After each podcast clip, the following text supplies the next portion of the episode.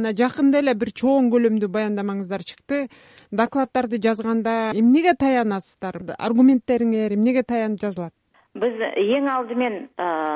нагыз шынайы өмүрдөгү жагдайды зерттеп э, жан жакты баардык маалиметтерди жыйнап адамдар менен сүйлөшүп мемлекет мемлекеттик кызметкерлер менен сүйлөшүп жан жакты зерттеп гана натыйже чыгарабыз ондай баяндамалар дайындауга яғни биз тек гана өз оюбузду гана эмес нагыз халыктын оюн онун мұң муктажын белгилеп яғни ол тек гана бир адамдын ою эмес мисалы ол халыктын ою яғни эмгек мигранттардын мисалы мемлекеттик кызметкерлер өз жагынан пикир салышат халкы уюмдар яғни жан жактан э, жыйнаган акпараттын негизинде адам укуктарын сактоо боюнча рекомендациялар жасалат. Эми осундай әсіресе осындай конфликтті дейсиз ғой. Яғни э, пикир талас бар маселелер боюнча баяндама немесе маалимдеме жасаганда биз эң баштысы халык аралык адам укуктары стандарттарына сүйүнөбүз кыргызстан да казакстан да осы халык аралык адам укуктарынын стандарттарына косулган нече түрлүү пактилер конвенциялар декларациялар булардын баарине кол койгон мемлекеттерибиз яғни осы адам укуктарынын стандарттарын колдогон сондуктан осы алган міндеттемелерди орундоо үчүн мемлекеттер өз тарапынан күч салуу керек. Ал адам укуктары бузулса әрине эң биринчи болуп адам укуктарын коргоочулар осы бузулду. Оларды калпына келтирүү үчүн э, мындай аракеттер жасау керек деген рекомендациялар жасайбыз әрине чакырабыз өкмөттерди э, осуну истеуге адам укуктарын сактауга ону бузбауга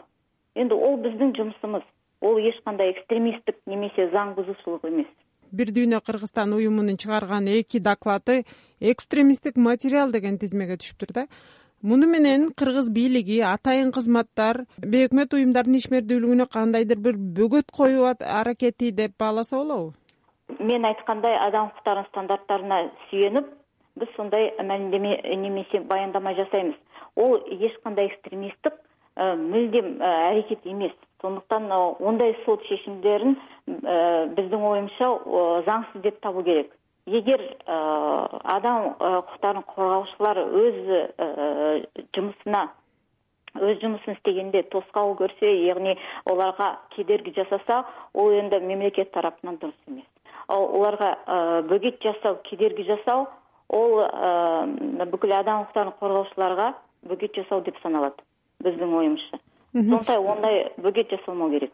Кыргызстанда жарандык коомду өнүктүрүү жагынан кыргызстан башка өлкөлөргө салыштырганда коңшуларына салыштырмалуу алда канча алдыга кеткен деп жүрөбүз. Мына ушу демократиялык баалуулуктарды жайылтуунун адам укуктарын даңазалоонун негизги күчү негизги локомотиви булар укук коргоочулар да кыргызстандагы укук коргоочулардын ишмердиги активдүүлүгү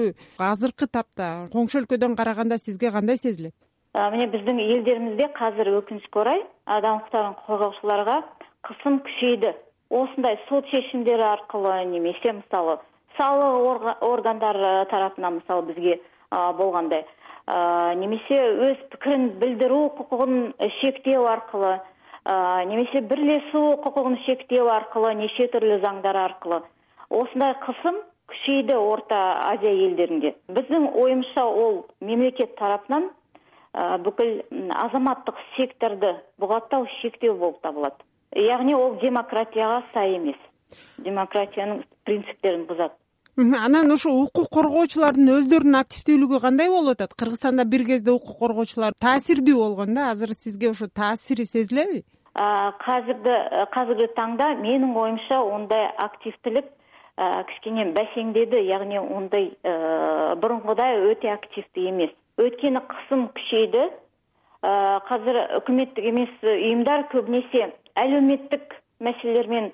айналышкысы келет өйткөнү өтө өзектүү саясий мисалы маселелер менен аралашпай тек гана әлеуметтик маселелерге мисалы көмөк көрсөтүү мүгедектерге мисалы балалар топтор жагдайы төмөн адамдарга көмөк берүү мисалы сондай маселе менен көбүрөөк айналышат да ал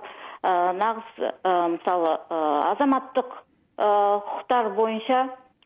жумуш истейтиндер азайды өкүнүчкө орой кыргызстанда башка да элдерде